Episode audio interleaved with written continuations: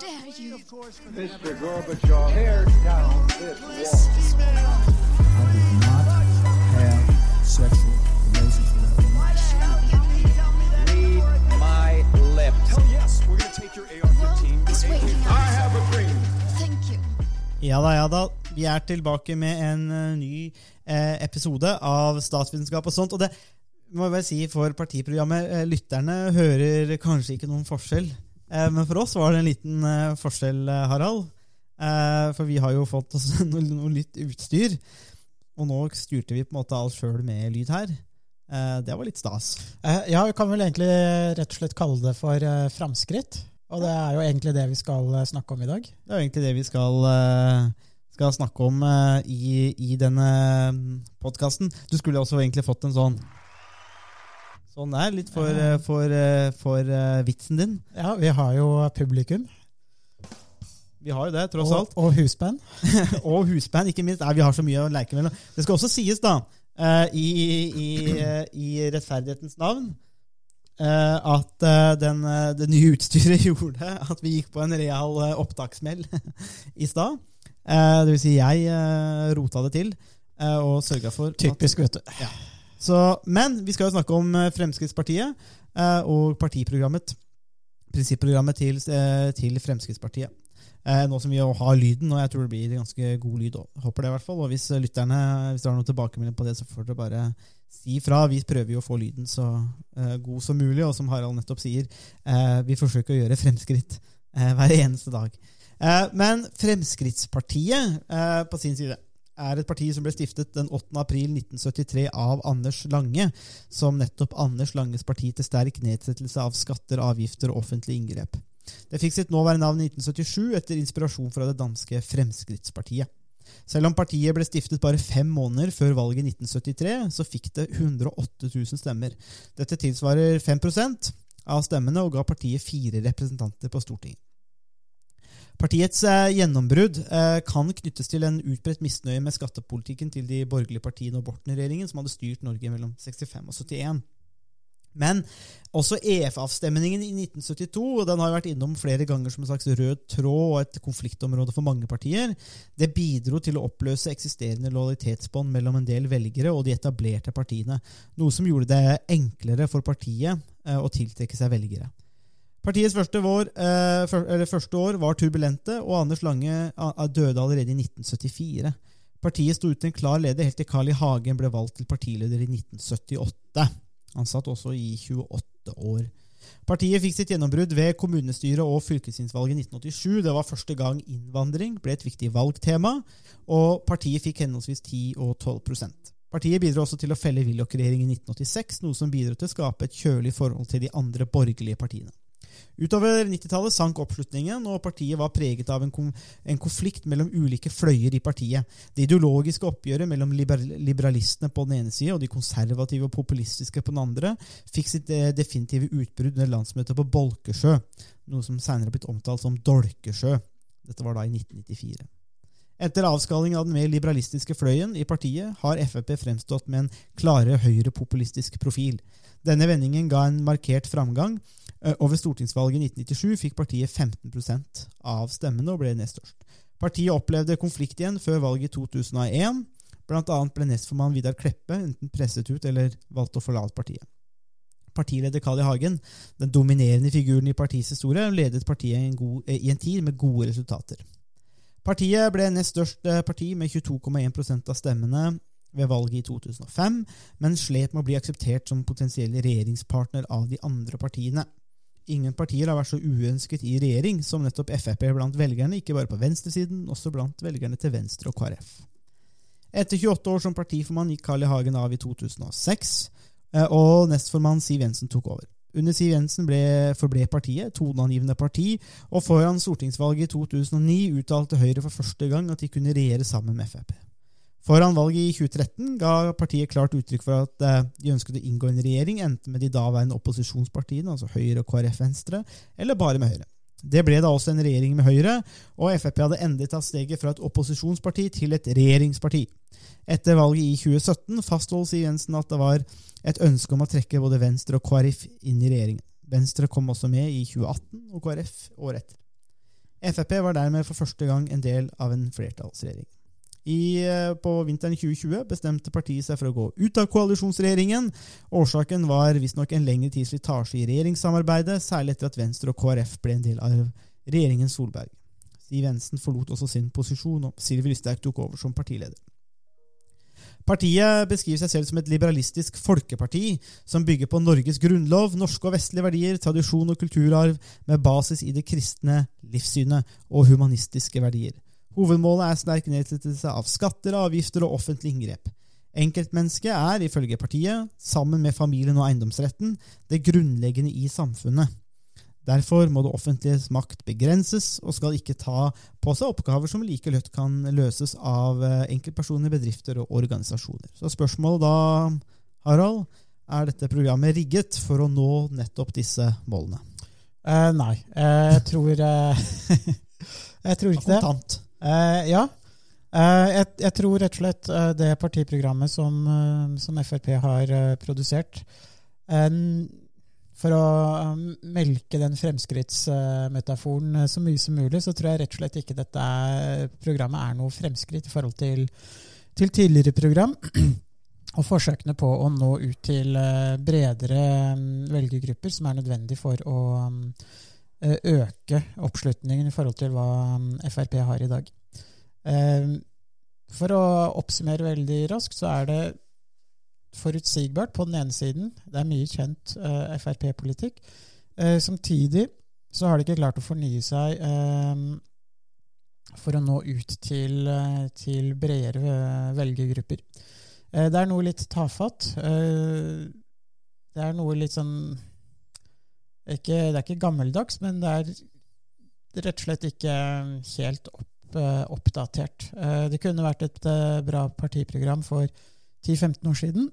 Men når vi ser hvordan demografien blant velgerne har endret seg, hvilke konfliktlinjer og politiske saker som har vært viktige ved dette valget, så, mm, så er jeg usikker på om, om eh, Frp eh, er i, i stand til å, å, å nå ut til, eh, til velgerne. Det er jo også det meningsmålingene viser. Eh, og um, det er jo ikke politikken i seg selv, for mye av politikken her er eh, kjent og kjær eh, Frp-politikk. Men det handler om å kunne presentere den politikken til de målgruppene man, eh, man ønsker å, å nå. Og der er jeg usikker på om Frp lykkes. Mm. Det er jo, du er jo inne på noe som jeg tenker er, eh, er veldig sånn Altså, det var en av mine takeaways eh, fra å ha lest dette programmet. Mine hovedinntrykk er jo nettopp, eh, nettopp dette at du, man kjenner jo igjen Frp. Eh, og så for å ta konklusjonen for, for med en gang, så, så er, er det litt det at det, det føles litt tafatt. Litt, litt, litt for lite uten tenner. altså og brodd, eh, som man kanskje forventer med Frp. Det virker litt, virker litt kjedelig.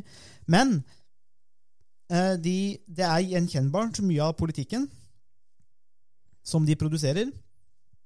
Og så kan vi nok se hvordan partiet har utvikla seg. Jeg nevnte jo innledningen litt denne, de, de, den første avskallingen man fikk på Dolkesjø.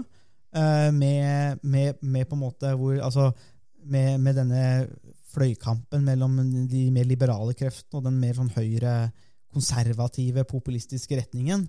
Eh, Og man kan vel kanskje si at retningen partiet har gått nå, har jo understreker jo mer av det samme.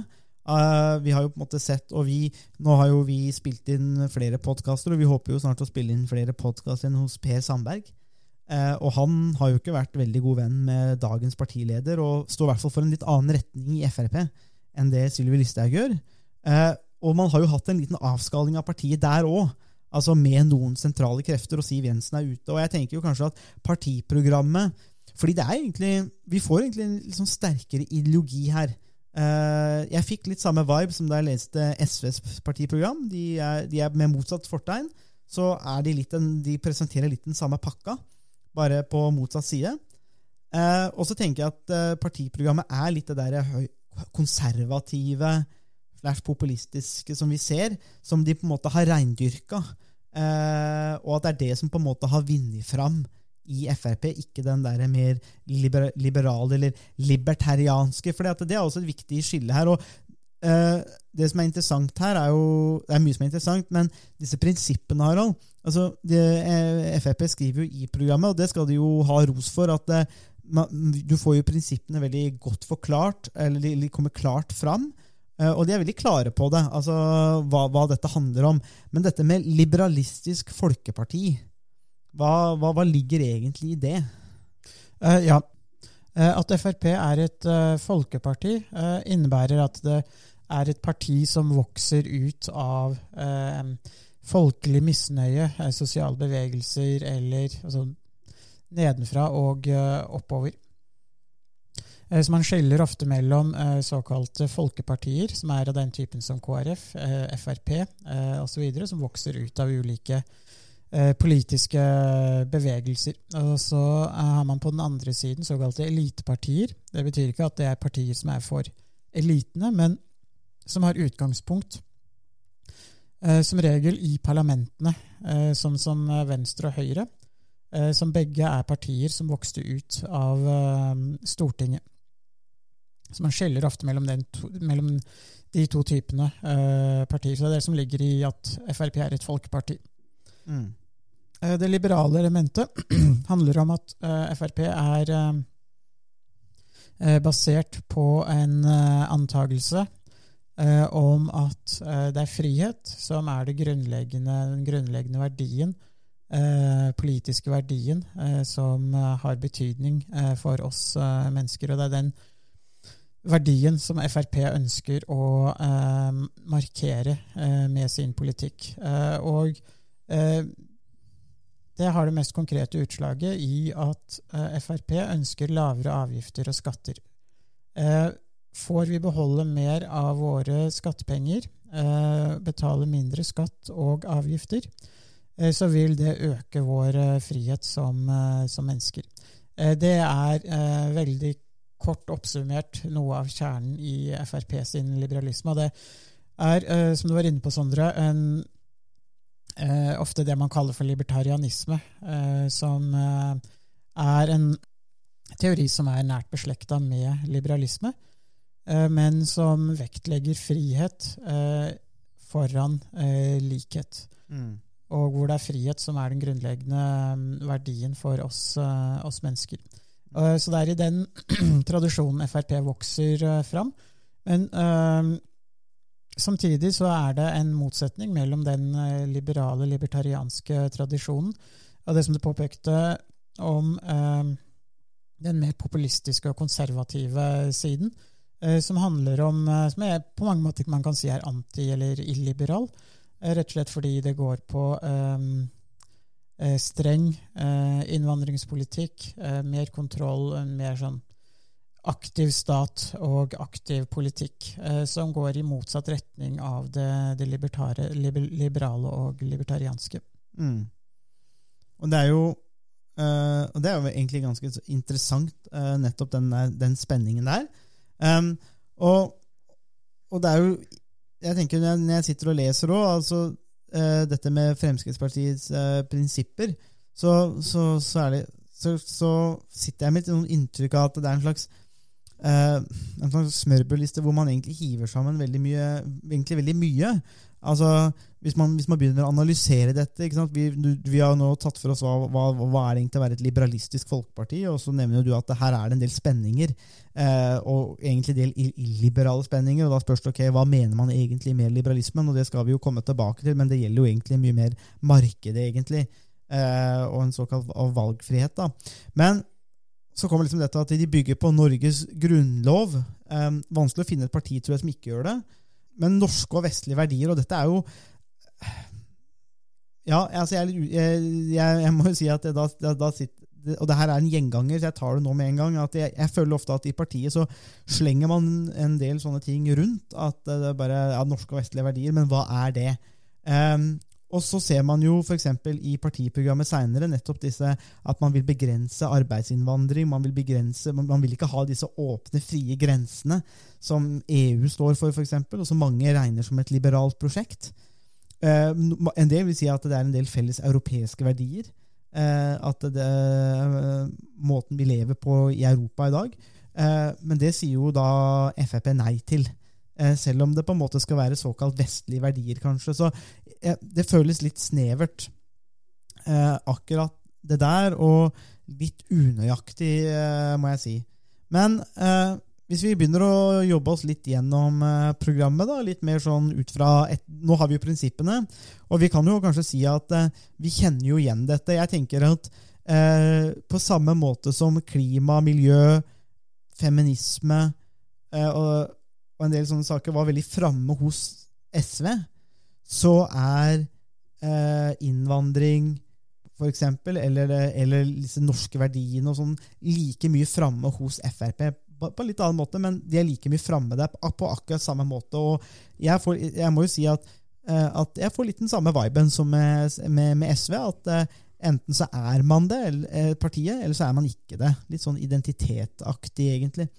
Men det, det som er litt interessant, er jo det at når det går nedover litt på dette med demokrati, for de har jo en egen sak om, om demokrati der vi, vi fortsatt skal være et grunnlovsfestet monarki. Eh, og her er det jo noe som er eh, Du nevnte da vi eh, gjorde det første forsøket på denne podkasten, at det er en interessant motsetning her mellom dette liberale vernet og hengende om enkeltmennesket og likhet. Men monarki, det er greit. Eh, ja, merkelig nok, fordi Frp mener at alle borgere eh, har lik stemmerett og lik verdi.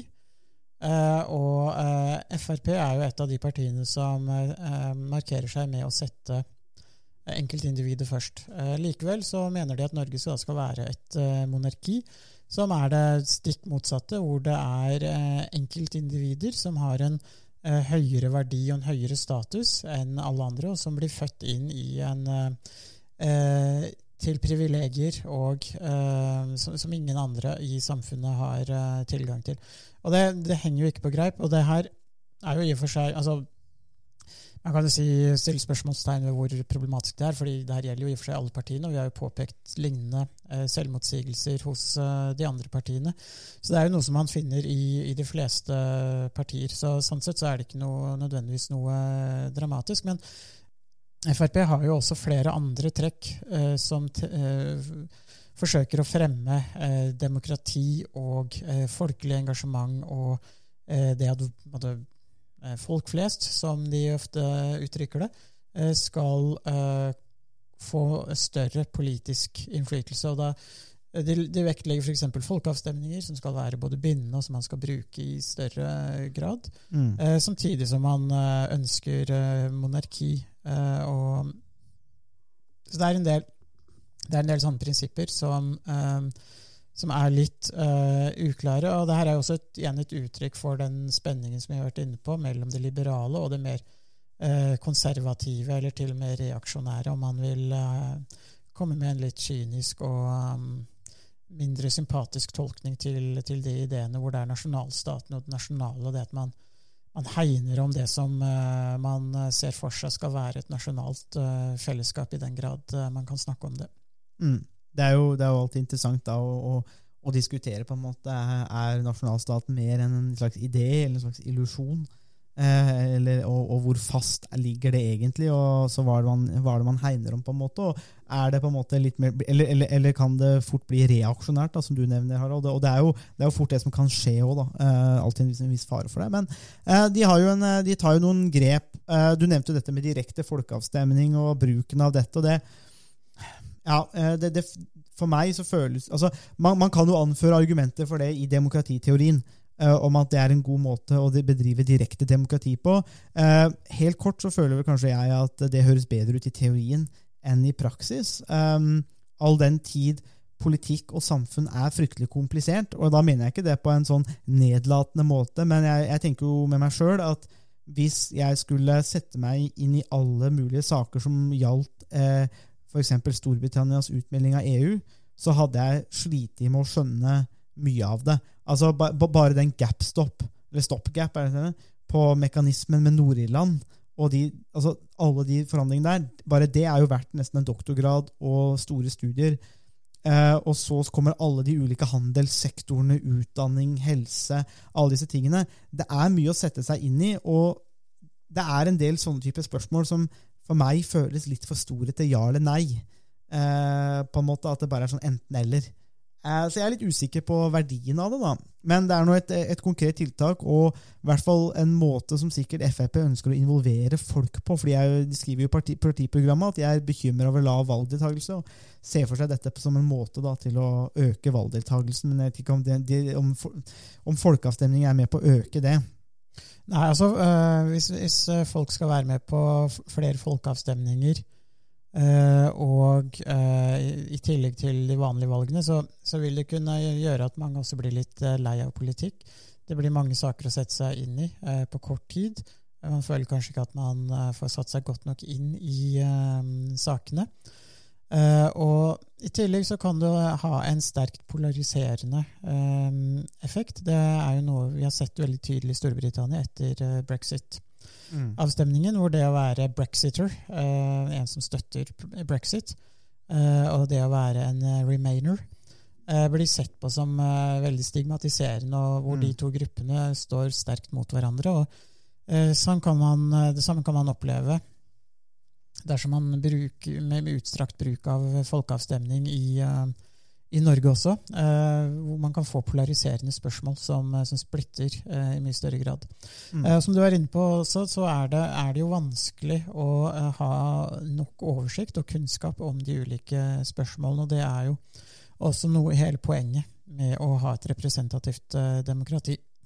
Vi eh, outsourcer mange politiske beslutninger til eh, de folkevalgte politikerne. Og eh, de er våre representanter som skal, eh, skal ta de beslutningene som, som må gjøres. Og da blir det kan det bli litt uklart også hvilken grad eh, fo- eh, så hvilken rolle folkeavstemninger kan spille i den type politiske systemer. Mm. Helt klart.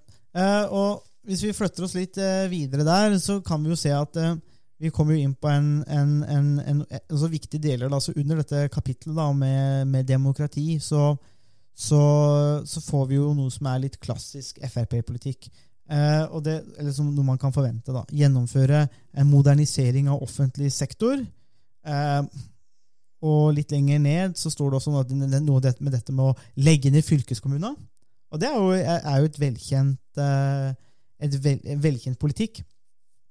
Det skal jo sies at det, kom, da det kom til Viken, så var det ikke så mange som var ute klare til å forsvare den, men Frp ville kanskje legge ned altså, og, det er, og det er jo egentlig fair å si at ikke vi vil ha, ha altså, mer, mer enn to forvaltningsnivåer. da, Eh, og det er bra, det, og dette kjenner vi igjen.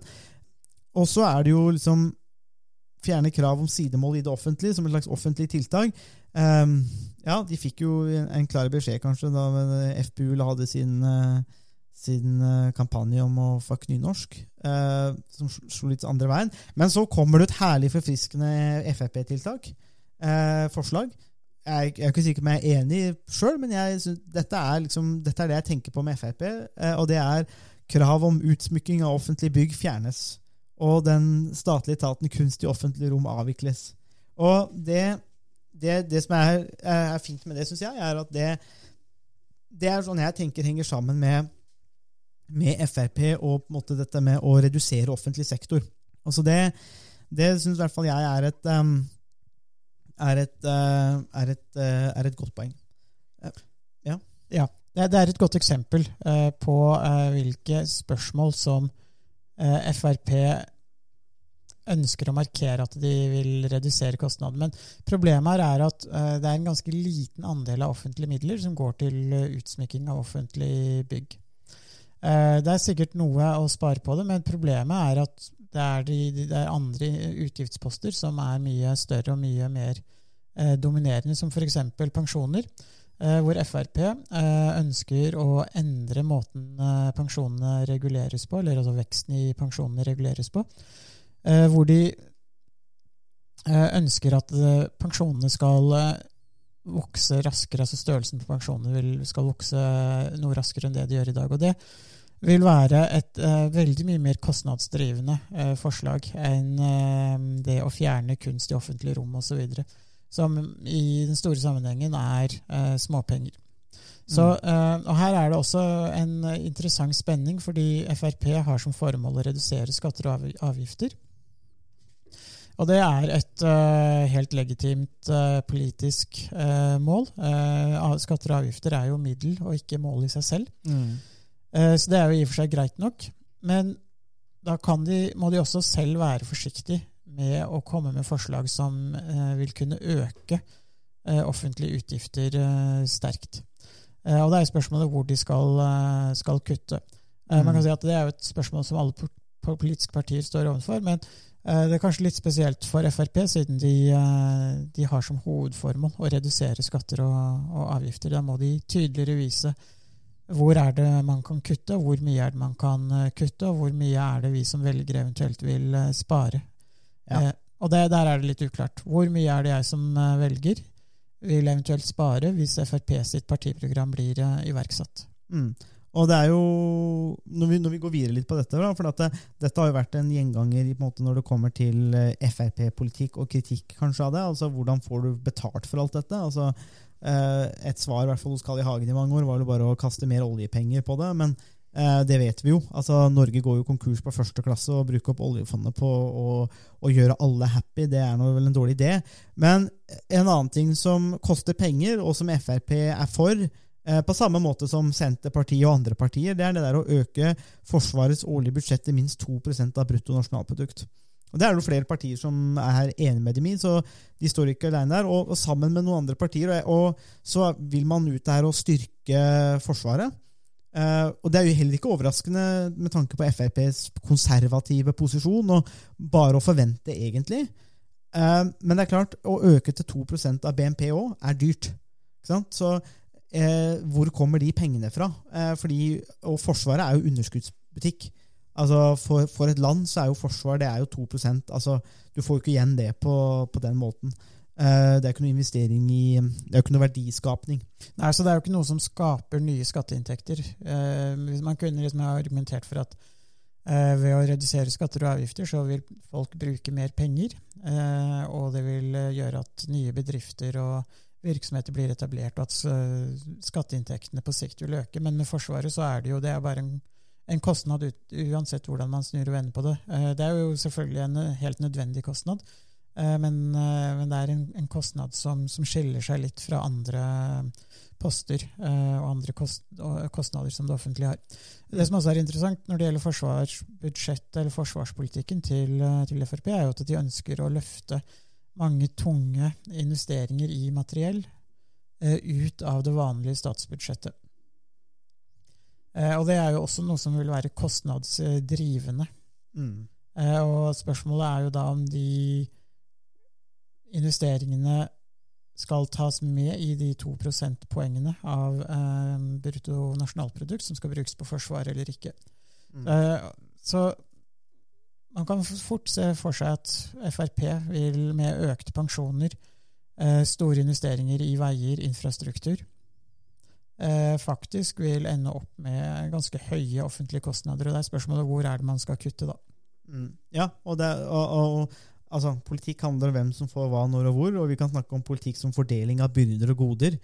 Eh, og man kan jo se på Forsvaret som en gode, altså all den tid det hever sikkerhet og sånne type ting. Det kan man argumentere for. Eh, men det er også en byrde? I, den, i den forstand at det, det koster penger. Og det er greit. Det er, vi, vi, det, er del, det er en del ting vi tar i det offentlige som vi bare må betale.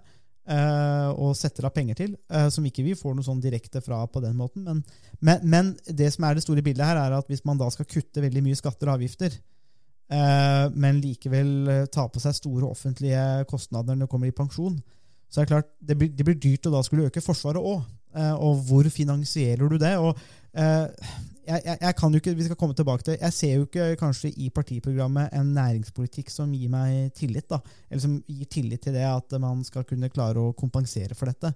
For at ellers så blir det oljepenger eh, som skal gjøre det. Men én ting er nå sikkert, og det er jo spørsmålet her da, om når vi kommer for ned til dette med asylpolitikk, om det er her og dette, Da er vi inne på liksom FrPs kjernepolitikk, så det er kanskje verdt å snakke om.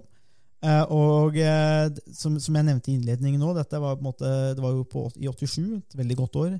Da Kanskje det beste, som, som det sier i hvert fall folk, er at eh, I hvert fall folk som er født i 1987. det, De òg. Eh, og, eh, de, men, men poenget da er at eh, da ble innvandringsspørsmålet for første gang en ordentlig valgsak. Og Frp har jo forsøkt å gjøre dette en valgsak egentlig siden. Eh, For det har, det, har, det har sett ut å fungert. Og man får jo ganske konkrete forslag i Frp som, som nok ikke man finner i andre partier, og som viser partiets profil, og som kanskje også gjør at de blir elsket eller av de som liker Frp, og som kanskje støter fra av andre som på en måte ikke er der. og eh, Man har jo et veldig sånt eh, ambisiøst forslag for eksempel, med asylsystem i Norge og Europa. og Det er jo ganske am- eh, er jo et ambisiøst eh, eh, forslag. Men det jeg tenker, er jo litt sånn Et par andre ting her. Eh, ikke minst trekke Norge fra FNs migrasjonsavtale. Det er jo litt sånn spenstig å trekke seg fra internasjonalt samarbeid. Igjen en liten gjenganger hos Frp når det kommer til internasjonalt samarbeid man ikke liker. Sånn EU, FN, som handler om litt sånn liberale ting, på en måte, sånn som vi snakka om i stad. Arbeidsinnvandring eller fri, fri flyt av disse tingene. Da, det er man ikke for. Eh, og det er litt sånn interessant, for man er egentlig veldig liberal på andre områder.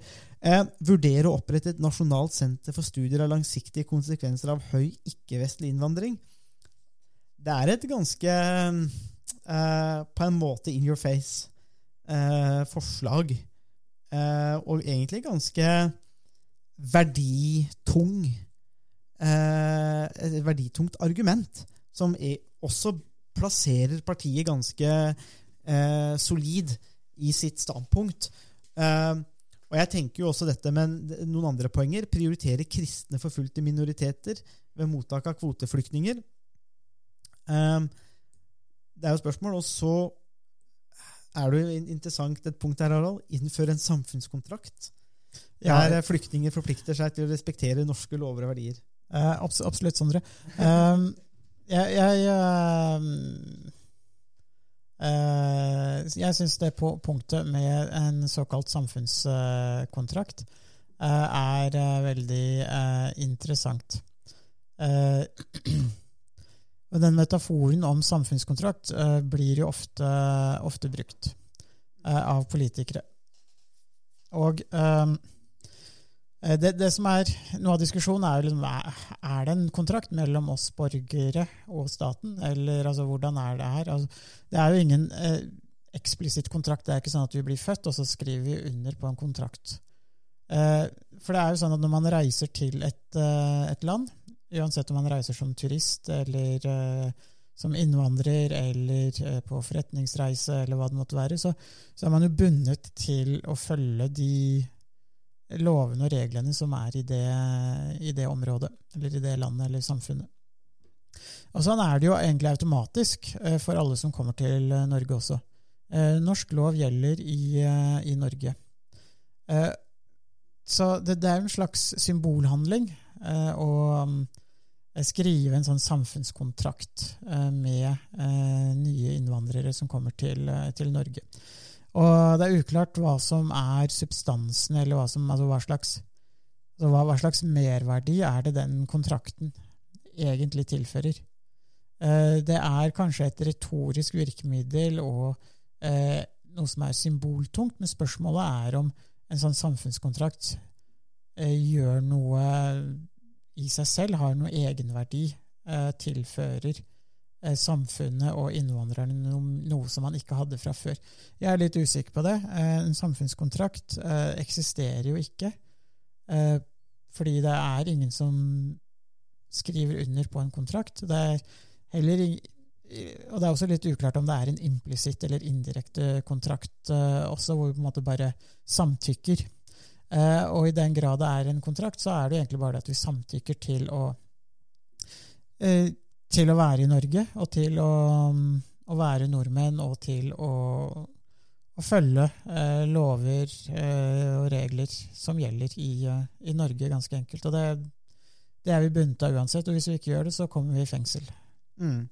Og det er eh, Det kan jo hende at de mener en faktisk kontrakt, og det kommer ikke så veldig godt Ja, altså, så Det er nok en faktisk kontrakt, fordi det står også samtidig, eller i punktet under, at dersom den eh, kontrakten brytes, så skal det få konsekvenser. og eh, Ja. det, det er, Så det er, en, det er ment som en eh, som en faktisk kontrakt. Men spørsmålet er jo om den eh, kontrakten tilfører noe som, man, som ikke er, eh, Mm. er der fra før i, eh, i det vanlige rettssystemet. Mm. Ja, det er jo det, er, ja, det blir på en måte potensielt smør på flesk, eh, egentlig, Ja. eh, når det kommer dit. Eh, og det, men uansett, da, så er det jo ingen tvil om, og det, og det her er litt av poenget mitt, da, er at, eh, og, og du graver jo på en måte litt mer i det, måte det eh, statsvitenskapelige, kanskje, med dette med samfunnskontrakt og sånn, for det, det kan jo virke litt sånn overflødig, og, og på en måte populistisk, ikke sant, når man eh, slenger det på noe som ja, vi, altså, og det, det blir litt tomt, da. Um, og det, det må jeg jo bare si at det er jo kanskje noe av det som har på en måte irriterer meg litt noen ganger når jeg, når jeg leser programmet, er at, at det blir en del sånne vendinger som er sånn smør på flesk. eller sånn, Det er bare, det er tomme ord. da, altså Man snakker om ting, og så er det bare sånn Ja, ja, men det er jo mye av dette som fungerer allerede. Det er ikke noe forskjellig dette her fra de andre tingene vi gjør, liksom, eller lover og regler. Eh, men det som er uten tvil, og det er liksom hovedpoenget mitt, er at eh, denne innvandringssaken er en viktig sak for Frp. Dermed så får man en del ganske klare, konkrete forslag eh, som omhandler flyktninger og asylsøkere osv. Og dette, klart, dette vil, dette vil polarisere, tenker jeg. for de som, altså, Nå kan det vel hende at de som er veldig sure på Frp, de gidder jo ikke å lese partiprogrammet engang, men hvis de leste, så tror jeg de ville måtte blitt enda eller da, det, da bidrar det til å trekke dem enda lenger vekk. Og jeg tror kanskje grunnfjellet blir enda mer positive, kanskje. Eller altså, dette er en viktig sak for dem, da. Ehm, så det er uansett en viktig sak, og den, den får liksom den samme tyngden i partiprogrammet sitt som SV på en måte ga til klimasaken, og da ser man på en måte forskjellen da, i de to partiene, tenker jeg, på en sånn, på en sånn uh, god, uh, god måte. Men hvis vi da går til en, en, eh, sak nummer to, da, eller neste sak som er veldig viktig for dem, og det er jo skatte- og avgiftsnivå. Vi, vi toucher jo innpå det her hele tida. Uh, så er jo det liksom, De vil jo redusere skatte- og avgiftsnivået. Eh, skal ha et mer oversiktlig skattesystem. Ja, det, det, det, jo, det kan jo alle ønske seg. Vi, det, vi snakka jo om det. det. Det er jo muligheter å gjøre noen forbedringer, eh, så det treffer litt bedre der. Altså alle, alle partier vil jo egentlig kunne være enige i akkurat det punktet. Det er bare at de vil legge litt, annet, litt forskjellig innhold i hva det innebærer. Ja, for det er jo det er litt sånn forskjellige måte å komme dit. Men det som jeg uansett eh, la merke til, og jeg syns det er interessant at det kommer under skatter og avgifter, nettopp dette med at eh, de vil styrke rammebetingelsene for kjøretøy som kultur, kjøre, kjøretøyhobby og interesse. Eh, Her får vi i hvert fall Frp, tenker jeg, i kjernen. Eh, Fordi at dette er ting som jeg har lyst til å si ikke er i tidsånden. I hvert fall i de store byene. Hvor, altså, det er fint å ha bil, men, men, men, men her, veit jeg ikke om man treffer helt. Men det er, men det er veldig klart oppe og framme, da. Verdien av disse bilene eh, og kjøretøyavgifter. Og det har vel noe med det, da. At eh, det å kjøre bil, eh, lave avgifter på det, er en viktig sak eh, for Frp. Og, og man vet vel at eh, velgerne tradisjonelt liker en sånn type sak, og vi kan være tilbøyelige til å stemme Frp fordi at eh, bensin og avgifter er billigere, det er lavere, enn med andre partier, da. Eh, Jeg syns likevel at det er interessant at det kommer eh, akkurat der, da. Men ja. Ja, nei, altså det, det her er jo også en av kjernesakene til, eh, til Frp. og de har jo markert seg som bilistenes parti over lang, lang tid. Og spesielt avgiftsnivået avgiftsnivå på, på biler er noe de har, har engasjert seg sterkt i. Og det er jo er jo også uh, til en viss grad forståelig når veldig mange av uh, velgerne de forsøker å nå, er uh, de som bor i litt grisgrendte strøk. Kanskje bygde byer, små, litt mindre tettsteder osv. Det er stort sett ikke byene som, som Frp har stor oppslutning i. og Man ser jo at i storbyene så, så gjør de det ganske dårlig på de siste meningsmålingene.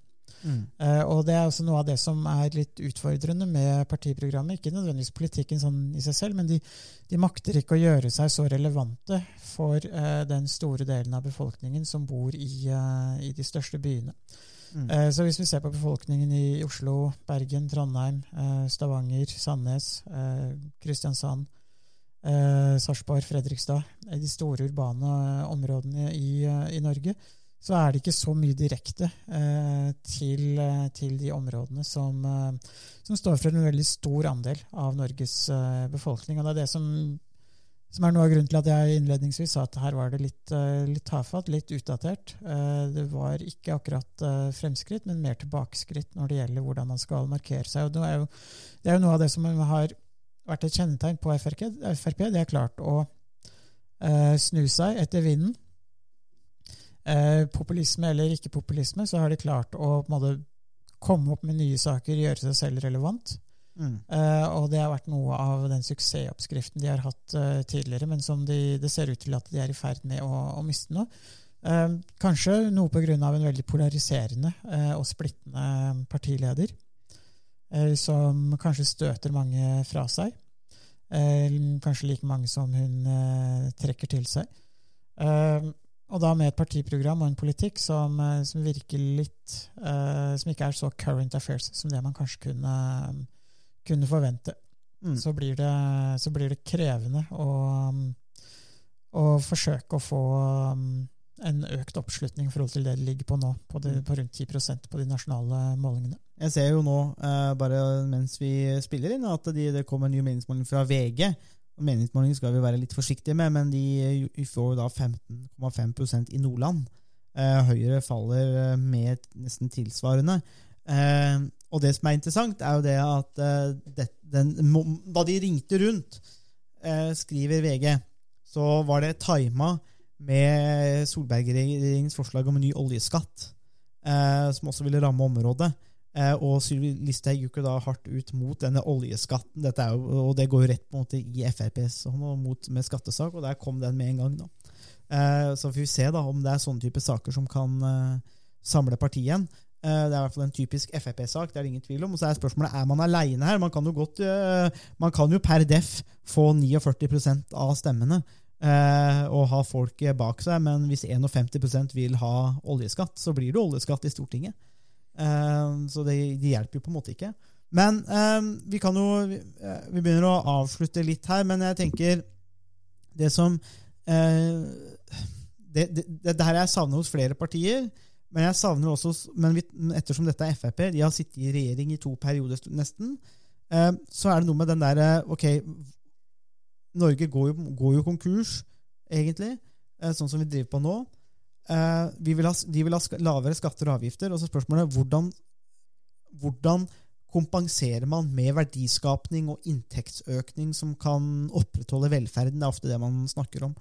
Eh, og Frp vil liberalisere økonomien for å skape større vekst og mer velferd. Det er litt vanskelig å si hva det egentlig skal bety. Eh, Men jeg, jeg, får, jeg tenker jo at det de mener med det, er det som kommer inn her med arbeidet for mer frihandel, nedbygging av tollbarrierer, fjerne norsk industritoll og gi fattige land markedsadgang til Norge. Og det vil jeg jo si er ganske liberalt. Altså dette med frihandelsprinsipp og det. Det vil jeg jo si er, er ganske bra. Jeg, jeg regner med at det kanskje er det man mener med det liberale, for du har jo pekt på Harald, at det er jo en del ting som er illiberalt. Men det er vel kanskje her vi finner kjernen i det liberale. Eh, Ja, det er økonomisk eh, liberalisme. Eh, Og noe av kjernen i Frp sin forståelse av eh, eh, hvordan økonomien skal fungere, er, praksis, er konkurranse. Mm. Det er hvordan man kan få en bedre, mer velfungerende økonomi. Og konkurranse er en, en viktig, et viktig virkemiddel for å skape arbeidsplasser, redusere offentlig forbruk osv. Så, videre. Så det er en av nøklene for å forstå den økonomiske politikken til, eh, til Frp. Mm. Eh, Sammen med nedsalg eh, av statlige eier, eierandeler i ulike store selskaper. Mm. Det er det. Er det. Og så jeg tenkte jeg helt til slutt eh, at vi, vi snakka jo litt om det i den, den, den episoden som aldri, aldri kom på lufta. Eh, litt dette med, med, med utdanning. Eh, for det er jo noe som er viktig for, eh, for oss, da, Harald. Eh, vi, jo- vi har jo den, vi har den, det privilegiet at vi kan jo velge å snakke om det vi vil. og styre det på en måte inn, inn dit. Jeg legger jo merke til, som på en måte av den konservative kjernen, at man legger vekt på dette med kristen kulturarv i undervisningen. som, en, som en viktig del eh, i, i undervisning. Uh, og så er det jo et herlig, fantastisk, uh, spesifikt ønske i høyere utdanning om å arbeide for et konkurransedyktig ph.d.-system. Og det Ja, vi snakka vel om det i stad, Harald. Vi, vi veit vel ikke egentlig helt hva det betyr. Men vi skal i hvert fall ha et konkurransedyktig ph.d.-system. Og, det er jo ty og Frp var vel også inne på det, at det, det var tydeligvis at det, kanskje, man kanskje ikke får godt nok betalt. Eh, for det er ikke attraktivt nok å være ph.d.-student i Norge. Det er jo eh, Ja, eh, det er vel et stykke unna realiteten, egentlig. Eh, ja, altså det jeg, jeg skjønner ikke helt hva som menes eh, med akkurat det, det forslaget. Ehm, det, er jo en, eh, det virker som eh, Frp syns det er problematisk at det er mange utenlandske ph.d.-studenter i Norge, fordi en del av de reiser tilbake, eller ut av Norge, etter endt eh, studier, som, eh, som gjør at man i Norge da må egentlig utdanne flere eh, ph.d.-studenter for å få den kompetansen som arbeidslivet trenger. Så i den grad så, så, så tror de kanskje at det er sånn at nordmenn ikke vil ta en doktorgrad, men her er det jo andre mekanismer som nok er mer avgjørende. Eh, norske eh, masterstudenter eh, konkurrerer med hele verden i prinsippet om mange av de ph.d.-stipendene som blir tildelt i Norge. Og det er jo en tradisjon for å, å gi den type stipend eller stillinger til den best kvalifiserte søkeren.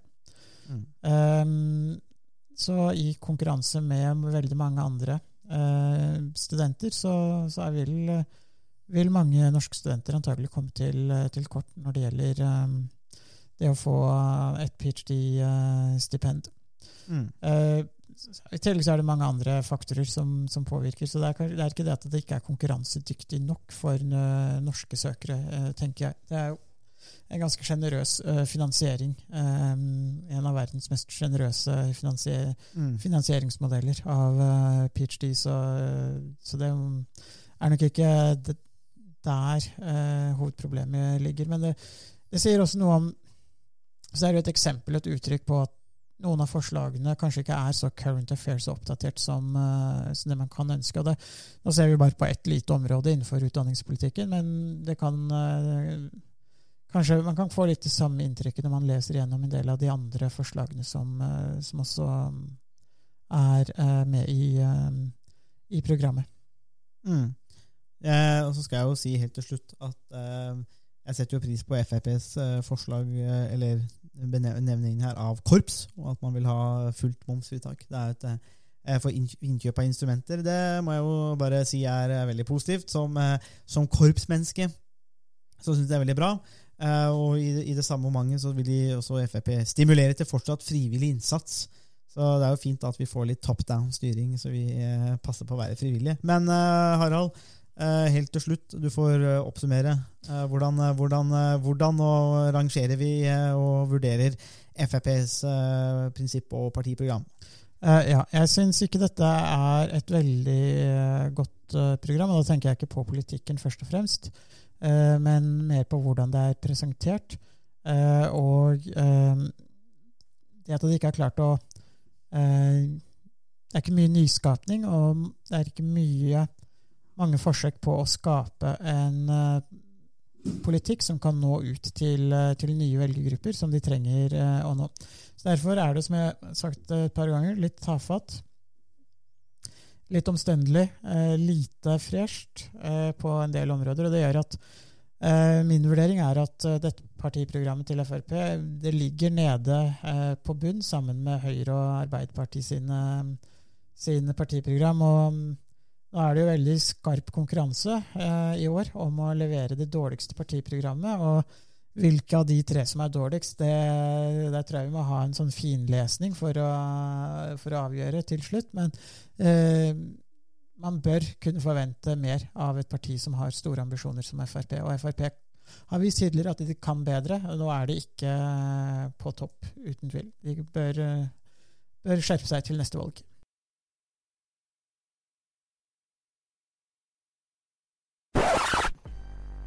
Det var det vi hadde å by på i denne ukas episode av Statsvitenskap og sånt. Musikken er komponert av Robin Horvath, og Thomas Focolato står for miksing og redigering. Du finner oss på Facebook, bare søk på statsvitenskap og sånt. Der kan dere komme i kontakt med oss hvis dere har spørsmål eller kommentarer. Der finner dere også aktuelle artikler, videoer med mer. Vi setter pris på om dere liker sida, og deler den med andre som dere tenker vil ha glede av å høre på podkasten. Vi And change is coming whether you like it or not.